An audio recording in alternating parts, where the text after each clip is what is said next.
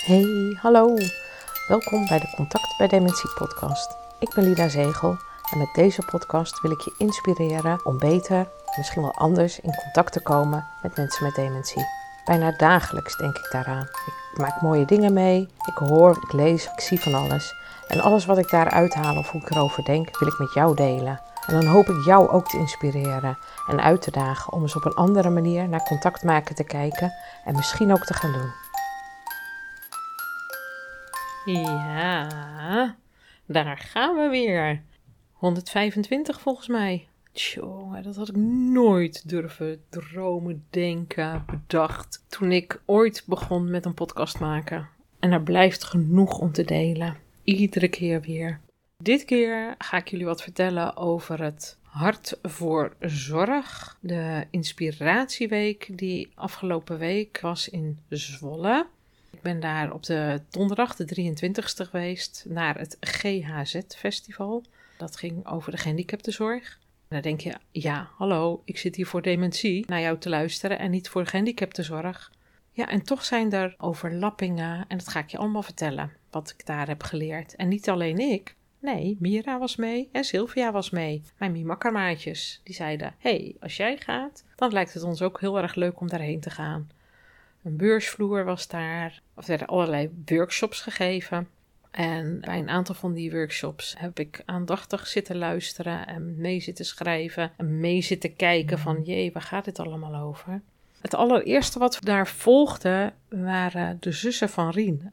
En zij vertelden over hun broer, want hun broer, hun jongste broertje, zij zijn oudere zussen van Rien, ze heeft het syndroom van Down. En bij Down-syndroom kunnen mensen op jonge leeftijd al dementie krijgen. En dat kreeg hun broer dus ook. Zij zagen wat er allemaal veranderde, maar ze konden eigenlijk niet zo goed grip krijgen op de situatie. En zij deelde die dag ook een kaart uit, een signaleringskaart was het, geloof ik. Dementie bij Down-syndroom, dat is meer informatie wat zij uitdeelde.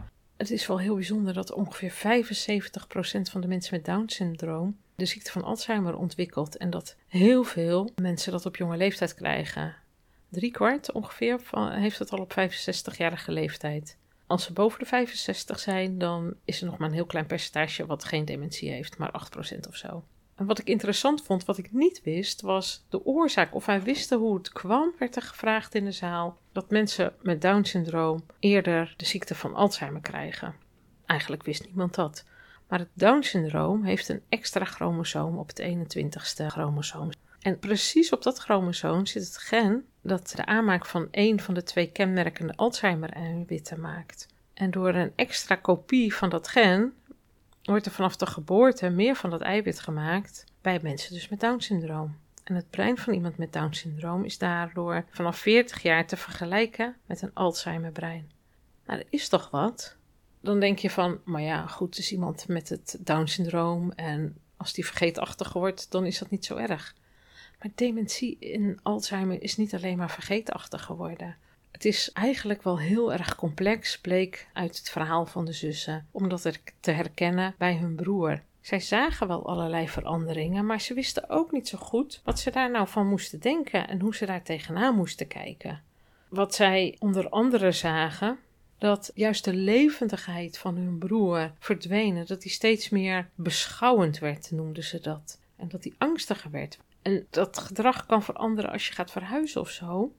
Maar bij deze broer bleef eigenlijk alles gewoon. Dus ja, waar waardoor komt het dan? Het was wel vreemd ook. Hun broer woonde in een kleinschalige woonvorm. En een kleinschalige woonvorm die mooi zelf georganiseerd is en zelfsturend is. Dat is hartstikke fijn. Maar daar miste wel een AVG-arts. Dus een arts die speciaal voor verstandelijk gehandicapten is. Of een gedragswetenschapper. Want door dat gemis was het ook moeilijker om tot een diagnose te gaan komen. En hun broer werd emotioneler, dus hun moeder ging dan maar naar de huisarts iedere keer en probeerde dat soort dingen wel voor elkaar te krijgen. En toen werd ik net eventjes tussendoor gebeld en ben ik de draad kwijt. Dus moet ik even kijken of ik hem weer goed oppak. Maar volgens mij had ik verteld dat Rien emotioneler werd ook. En dat dat ook de reden was om weer naar de huisarts te gaan en met de huisarts in gesprek te gaan. En te gaan kijken, misschien is er een trauma wat verwerkt moet worden. Dus heeft hij ook nog EMDR-therapie gehad. Dus er is van alles gedaan om die man of ja, die broer, het broertje te helpen. En toen kreeg hij ook nog problemen met eten. En toen werd er nog een maag-darmonderzoek gedaan. En hij werd minder actief en trok zich meer terug. En hij werd vermoeider. En hij kreeg ook onrust in de nacht. En hoe kom je dan achter die onrust in de nacht als je min of meer zelfstandig woont, ook al is het kleinschalig? Ja, pas op het moment dat iemand van de buren zegt: hij is s'nachts de hele tijd aan het spoken of hij ligt heel hard te roepen. Dat kun je vrij snel oplossen door. Je kunt al die symptomen kun je allemaal oplossen. Je kunt er allemaal oplossingen bij bedenken. Maar het ging erom dat dat meer de weg was die die zussen in nou, drie jaar hebben. Het heeft ongeveer drie jaar geduurd voordat ze uiteindelijk bij een Down-poly kwamen. Dus speciaal polykliniek voor mensen met Down-syndroom. En toen werd er eerst een onderzoek gedaan naar slaapapneu. Van nou, is dat het dan? En er werd ook bloed geprikt tussendoor. En er werd naar zijn hart gekeken, naar de schildklier. Gelukkig was er ook een tijdje eerder, geloof dat ze anderhalf jaar onderweg waren, totdat er een nulmeting werd gedaan voor dementie. En dan moet je voorstellen dat dat ook weer moeilijker is op het moment dat je iemand hebt met een verstandelijke beperking, zoals iemand met het syndroom van Down. Dat maakt het ook lastiger om een goede test af te kunnen leggen. En vervolgens werd die ook daarna weer een keer gedaan toen hij uh, met die onrust had, om er een eenmeting van te maken van nou, hoe ver zitten we nu? Al met al is dat best wel inspannend en intensief geweest voor uh, drie zussen en een moeder die voor hun zoon en uh, hun broertje zorgden. Dat het dus zo complex is, dat komt uiteraard door die verstandelijke beperking. Maar mensen met Down zijn ook nog eens een keer gevoelig voor andere aandoeningen. En die kunnen dat ook weer allemaal veroorzaken. Nou, daar zijn brochures van en ik kan daar de link kan ik ook wel meesturen in deze podcast. Maar het ontbreken van een gedragskundige en een arts voor verstandelijke gehandicapten bij kleinschalige woonvormen en de dagbesteding, want ook bij de dagbesteding werden dingen gezien. Dat, dat heeft het eigenlijk allemaal wel moeilijker gemaakt voor ze. En dan moet je voorstellen dat je het zelf niet kenbaar kan maken. Misschien kennen jullie wel allemaal mensen die eerder normaal waren, terwijl ik me altijd afvraag wat normaal dan is dan kun je nog zeggen van er is iets niet goed. Maar volgens mij had Rien dat ook aangegeven. Alleen het is lastig als je dat niet goed onder woorden kan brengen. En als je altijd zorg en ondersteuning krijgt en het sluipt zo langzaam, dan gaat het ook minder opvallen. En wordt het misschien wel toegeschreven aan de verstandelijke beperking. Het is dus anders als bij normaal begaafden die dementie krijgen. Ik heb daar een folder bij gekregen en ik zal daar wat van delen nog in de show notes. Ik zal in ieder geval de bronnen die zij benoemen ook over die nulmeting van eigenlijk wordt er gezegd van zorg op een 35ste voor een nulmeting van iemands persoonlijke eigenschappen en vaardigheden. Om te kunnen vergelijken op het moment van gedragsveranderingen ten opzichte van het normale of het karakteristieke functioneren van iemand. En die handreiking, herken jij dementie, die geeft dan meer informatie. Daar zal ik de link van bij doen. En de brochure van Down en Out zal ik er ook bij doen. Dat je ook daar eventueel, mocht je daar interesse uh, voor hebben, dat je dat ook terug kunt vinden en zelf verder op zoek kunt gaan. Als je die diagnose nou hebt bij iemand met het syndroom van Down, wat dan? Dus zij gaven ook aan van, nou, wat doe je dan? Van, nou, eigenlijk was het voor die zussen heel fijn dat het het einde was van een zoekproces. En dat zij anders in contact kwamen met hun broer. En dat ze ook wisten hoe ze alternatieven konden bieden maar dat ze ook andere verwachtingen konden hebben en dat ze beter begrepen waar dat gedrag van hem vandaan kwam. En daarmee konden ze hem dus een juiste benadering geven. Hoe fijn is dat? Maar dat is niet alleen bij Rien met syndroom van Down of andere mensen met syndroom van Down. Dat is voor iedereen belangrijk. Dat je weet, oké, we hebben zo lang gekeken. Je hoort het ook wel vaak met mensen met jong dementie. Dat er altijd wordt gedacht van, nou, die heeft een burn-out. Het lijkt heel erg op burn-out. Dat je dan blij bent, bijna, dat hoor ik tenminste regelmatig in verschillende podcasts terug, bijna blij bent met een diagnose. En waarom? Omdat het het einde is van een zoekproces. En dat familie dan ook zegt van, oh ja, maar dan begrijpen we het, want dan kunnen we op een andere manier kunnen we contact gaan maken. En kunnen we ook alternatieven bieden en niet iedere keer die confrontatie aangaan. Ik hoef ook niet meer zoveel te verwachten, behalve dat ik weet dat het gewoon slechter gaat worden dat kun je dan begrijpen als gedrag ook verandert en je benadering daarop aanpassen. Dus eigenlijk is dat ook weer hetzelfde. Wat de zussen ook hadden gedaan, dat vond ik wel heel erg mooi. Ze hadden een praatplaat gemaakt. En moet je je voorstellen, een A4 papier waarop ze tekeningen hadden gemaakt. In vier kwarten gedeeld. En in het midden stond een foto van Rien. Daar stond bij, wat merk je aan Rien? Linksboven, ik begrijp het soms niet en vragen. Het maakte Rien bang en boos. Ze konden zo aan, hun, aan zijn medebewoners uitleggen dat hij niet kon begrijpen en dat hij dan bang werd en dat hij door die angst ook boos werd. En eh, mooie tekeningen erbij. Rien verandert. Rien heeft dementie. En op het moment dat ze dat vertelde aan de andere bewoners, konden die ook vertellen: Oh, mijn opa of mijn oma heeft ook dementie. Dus ze kenden het woord ook en ze konden het ook begrijpen. En er stond ook bij: Wat kunnen wij doen? Geen grapjes.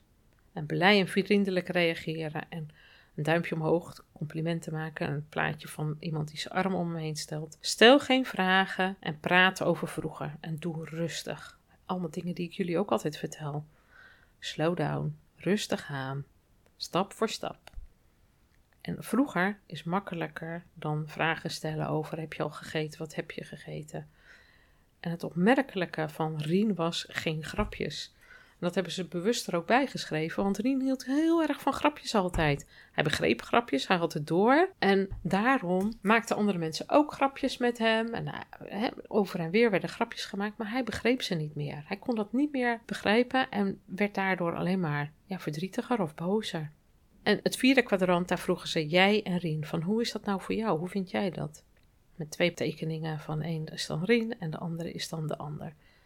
Ik vond het een geweldige manier om met de anderen die in zijn omgeving zitten en een beperkte mogelijkheid hebben om kennis op te nemen, maar wel heel erg genegen zijn om dingen te leren en ook sociaal zijn met elkaar, met elkaar een woongemeenschap vormen, dus ook elkaar wel willen begeleiden, dat je dat op deze manier dan weet vorm te geven. Dus ik kan alleen maar respect hebben voor de zussen en de moeder, hoe zij dat op hebben gepakt en hoe zij dit verder vertellen en verder uitdragen. Dus de zussen van Rien, dikke complimenten voor jullie. Wat we verder nog meer gedaan hebben met z'n drieën is uh, ontzettend veel leuke contacten gehad. Want als Mimakkers komen wij ook bij mensen met verstandelijke beperkingen. En kennen we ook verschillende organisaties. En er stonden natuurlijk ook organisaties die mensen weer uitzenden. toen zeiden we, oh, dat is leuk dat jullie dat doen. Zenden jullie ook wel eens Mimakkers uit? En als mensen dan het woord Mimakker niet kenden, konden wij vervolgens daar weer heel veel over vertellen. En onze gegevens achterlaten. Of in ieder geval van ons Mimakkerschilder zodat ze ook op de website andere Mimakkers kunnen vinden en eventueel daar gebruik van kunnen maken. Dus zo hebben we de Mimakker ook nog weer onder de aandacht gebracht. En alleen maar hele mooie gesprekken gehad. En wij hebben nog twee andere workshops gedaan die ook wel weer herkenbaar zijn en bruikbaar zijn voor wat wij ook weer doen als Mimakker, maar ook in ons dagelijks leven op andere momenten. En een daarvan ging over bewegen. Ontdek de kracht van bewegen. En de kracht van stond tussen haakjes nog achter spelend bewegen. Een begeleider en twee cliënten die dat uh, vertelden. Kevin en Dimitri waren de mooiste personen om te vertellen hoe zij aan sporten deden. En dat sport voor je hersenen goed is en dat bewegen belangrijk is, maar dat een sportschool, wat het meest logische zou zijn, eigenlijk niet handig is omdat daar het gebrek van begeleiding is of dat dat te ver weg is, dat het eigenlijk kort en dichtbij moet zijn. Dus met hele simpele manieren werd het bewegen werd doorgegeven. En het enthousiasme waarop zij dat deden, dat was uh, leuk. Het was uh, enthousiasmerend ook. We zaten in een kleine ruimte en er kwamen heel veel mensen. Ze waren helemaal verbaasd dat er zoveel mensen kwamen kijken. Maar we hebben allemaal wat dingetjes kunnen doen. Ze hebben heel creatief, met weinig materiaal en heel veel mensen, hebben ze toch iedereen aan het werk gezet en aan het nadenken gezet. Bewegen is voor iedereen goed. En deze dingen kan ik ook weer meenemen als mimakker. Ik kan ze meenemen in andere ontmoetingen die ik heb. Het is in ieder geval ook gezond voor mezelf om te zien hoe je ook nog op een leuke manier kunt bewegen. Nou, dat was heel inspirerend ook. En we zijn ook nog naar het ziekteinzicht bij niet aangeboren hersenletsel geweest. En daar vertelde Arno Prinsen meer over. Arno Prinsen is een uh, neuropsycholoog. Hij is ook docent op het gebied van hersenletsel en hij heeft boeken geschreven. Heb ik een probleem dan? En ga toch weg. En hij is ook onderzoeker in samenwerking met de Universiteit van Maastricht. En wat hij vertelde over het ziekteinzicht, ja, dat is wel ook weer heel mooi, wat me ook wel weer deed denken van hoe ga je mensen begeleiden als mensen niet goed begrijpen wat er aan de hand is. Als je niet zoveel inzicht hebt, dan kun je bijvoorbeeld heel veel stress ervaren En dan komen gedachten en ideeën, wat mensen denken, niet overheen met hun gedrag. En dat kan, je, kan zich dan uiten in het vermijden door angst en depressies of agressie en naar anderen of in argwaan. Nou, hoe herkennen we dat? Dat is ook wat we zien bij mensen met dementie. En zeker op het moment dat zij verder in het ziekteproces komen. Wat hij ook vertelde, nou, dat, dat is misschien wel leuk om voor een volgende keer te vertellen. Ja, laat ik dat gewoon doen. Want voordat ik heel enthousiast ga zitten vertellen over wat er allemaal nog meer kan, zal ik zijn presentatie. Want ik denk dat niet aangeboren hersenletsel en het letsel wat je oploopt door dementie heel erg overeenkomt. Uh, maar zijn presentatie zal ik de volgende keer ga ik daar wat meer over vertellen. Dat lijkt me een hele mooie. Voor nu is het denk ik genoeg en hebben we in ieder geval hoop ik dat ik jullie heel veel heb kunnen vertellen over dementie bij het syndroom van Down.